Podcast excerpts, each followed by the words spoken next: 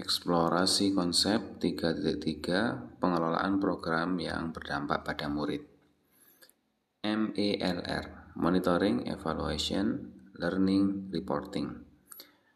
Monitoring, evaluasi, pembelajaran, laporan. Monitoring dan evaluasi. Monitoring dan evaluasi adalah suatu aktivitas yang sangat penting untuk mendukung tercapainya suatu tujuan dari proyek atau program yang dilakukan. Kertsai Hobson dan kawan-kawan 2013 dalam buku yang berjudul A Step by Step Guide to Monitor and Evaluation Hobson DKK menjelaskan bahwa monitoring adalah proses menghimpun informasi dan analisis internal dari sebuah proyek atau program. Evaluasi adalah sebuah penilaian retrospektif secara periodik pada satu proyek atau program yang telah selesai. Biasanya kegiatan evaluasi melibatkan penilai luar yang independen.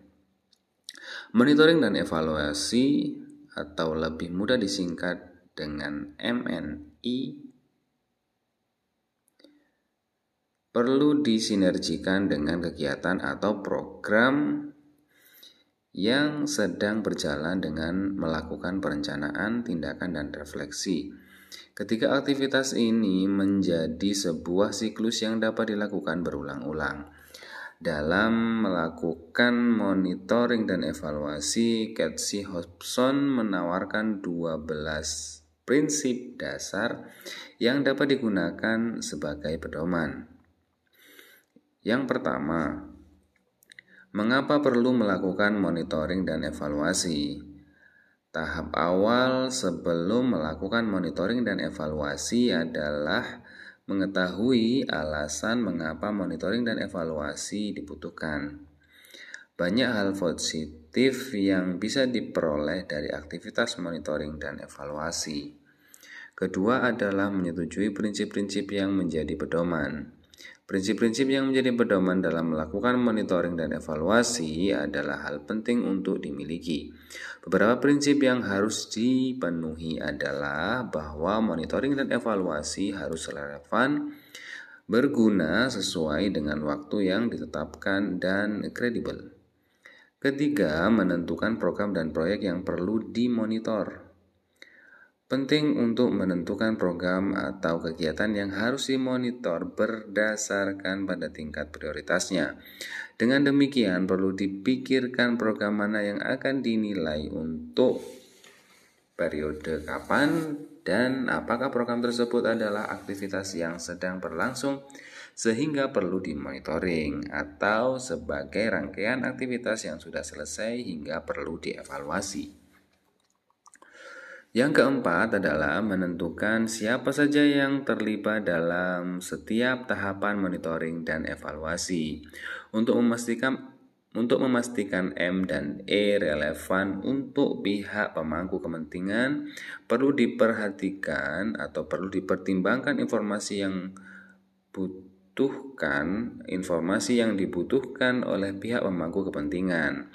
Untuk itu, identifikasi siapa saja dari para pihak pemangku kepentingan yang menjadi bagian internal program dan eksternal program adalah hal yang perlu diperhatikan. Kelima adalah menentukan topik kunci dan, dan pertanyaan untuk melakukan investigasi. Langkah selanjutnya adalah menentukan isu dan pertanyaan yang ingin diketahui jawabannya.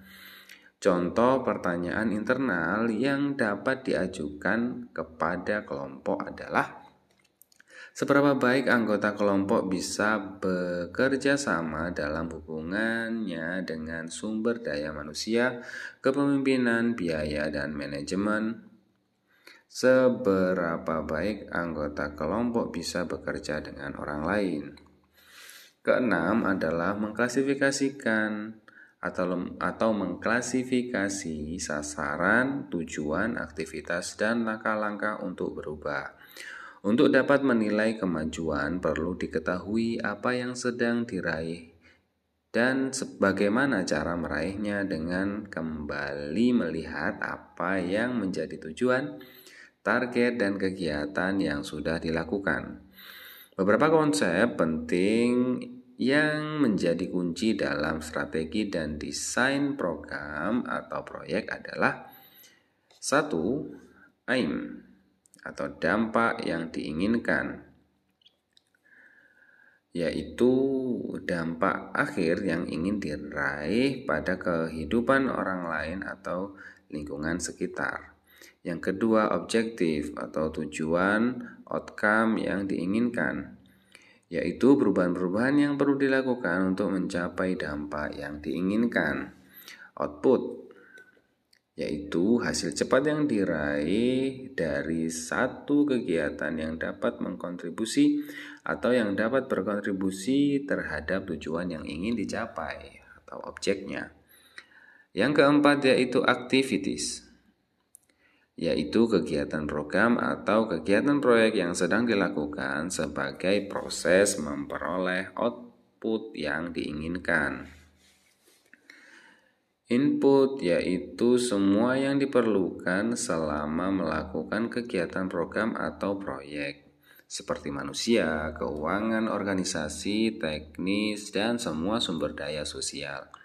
Strategi dan desain program untuk mencapai perubahan dapat dijelaskan dalam dengan tahap input, kegiatan, output, outcome, dampak atau impact. Yang ketujuh adalah mengidentifikasi informasi yang perlu diketahui.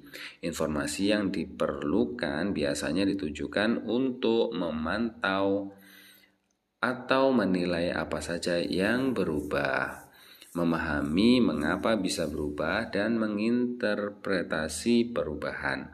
Informasi yang diinginkan dapat berupa data kuantitatif atau eh data kuantitatif atau menjawab pertanyaan apa, berapa, dan kapan, atau data kualitatif menjawab pertanyaan mengapa dan bagaimana.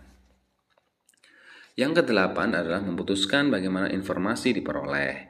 Biasanya data diperoleh Biasanya data diperoleh melalui berbagai sumber internal dan eksternal.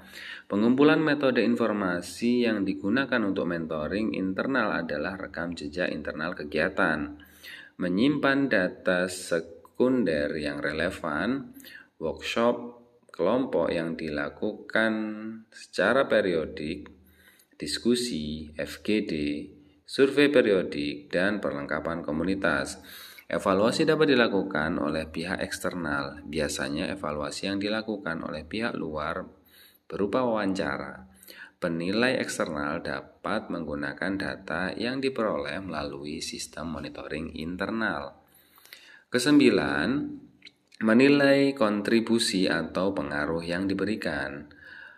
Bagian penting dari ME adalah menilai pengaruh atau kontribusi kegiatan tersebut atau kegiatan berdampak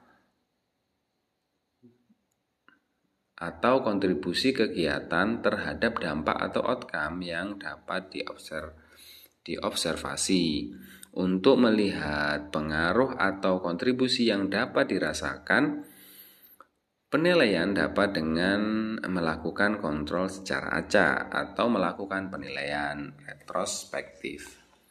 Yang ke-10 adalah menganalisis dan menggunakan informasi. Tujuan utama dari monitoring adalah untuk mendukung pengambilan keputusan internal dan perencanaan sehingga dilakukan analisis secara periodik, menilai dan menggunakan informasi tersebut. Tips dalam menganalisis dapat disesuaikan dengan sifat data, yaitu jika data adalah informasi bersifat kualitatif, mengidentifikasi kategori, menginterpretasikan temuan, dan bers dan bersiap untuk hasil yang di luar perkiraan. Jika data adalah informasi yang bersifat kuantitatif, menghitung total sampel, menghitung rata-rata, persentase, serta melakukan pengujian statistik. Kesebelas adalah menjelaskan data. Data yang dijelaskan sangat bergantung pada tujuan. Data disampaikan kepada pihak pemangku kepentingan yang relevan dengan data yang akan dijelaskan. Dalam menjelaskan data, perlu ditentukan siapa yang menjadi pendengar atau hadirin. Menjahitkan data agar bisa dipahami oleh pemangku kepentingan memindahkan data menjadi grafik dan menggambarkan hasil-hasil penting kepada pemangku kepentingan atau hadirin. Kedua belas adalah tentang etika dan proteksi data. Dalam etika memproteksi data, semua peserta atau responden yang dilibatkan selama proses monitoring dan evaluasi wajib dijaga kerahasiaannya.